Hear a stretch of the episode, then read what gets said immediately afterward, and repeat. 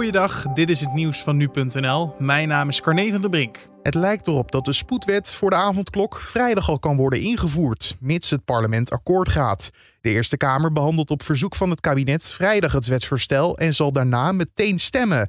De Tweede Kamer zal dat vandaag gaan doen. Het ministerie van Justitie zette dinsdag snel een spoedwet in elkaar nadat de rechtbank in Den Haag had bepaald dat de juridische onderbouwing van de avondklok onvoldoende is. De rechtbank verklaarde de avondklok per direct ongeldig. De nieuwe wet moet de avondklok redden, mocht het gerechtshof in Den Haag de huidige wet vrijdag in het hoger beroep definitief onderuit halen. Het ministerie van Volksgezondheid wil met een coronatestbewijs versneld versoepelingen doorvoeren. Mensen met een negatieve uitslag kunnen meer vrijheden krijgen, zodat ze bijvoorbeeld weer naar kantoor, de horeca of het theater kunnen gaan.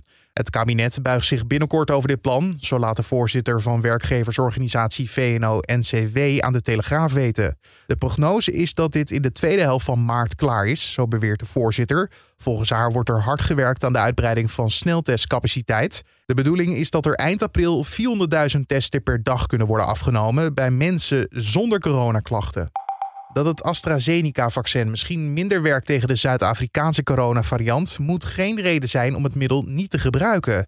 Het Outbreak Management Team schrijft dit in een advies aan het kabinet. Volgens het OMT biedt het vaccin van AstraZeneca wel bescherming tegen de klassieke en de Britse variant. En meer dan de helft van alle positief geteste mensen heeft deze besmettelijke variant. De Zuid-Afrikaanse variant is momenteel maar 54 keer in Nederland vastgesteld. Het aangespoelde afval op de Nederlandse stranden is in 20 jaar tijd met 27% afgenomen. Dat blijkt uit onderzoek van Stichting de Noordzee. Dit komt omdat landen bijvoorbeeld gratis plastic tasjes en het oplaten van ballonnen is gaan verbieden. Ook zetten burgers, bedrijven en organisaties zich vaker in voor een schone zee. Hoewel er een daling te zien is, belandt er wel nog steeds veel wegwerpplastic en vissergerelateerd afval in de Noordzee. Daarnaast was een grote tegenvaller de ramp met een containerschip in 2019. Dat schip verloor bijna 350 containers, waardoor miljoenen kilo's afval in de Noordzee terechtkwam. En tot zover de nieuwsupdate van nu.nl.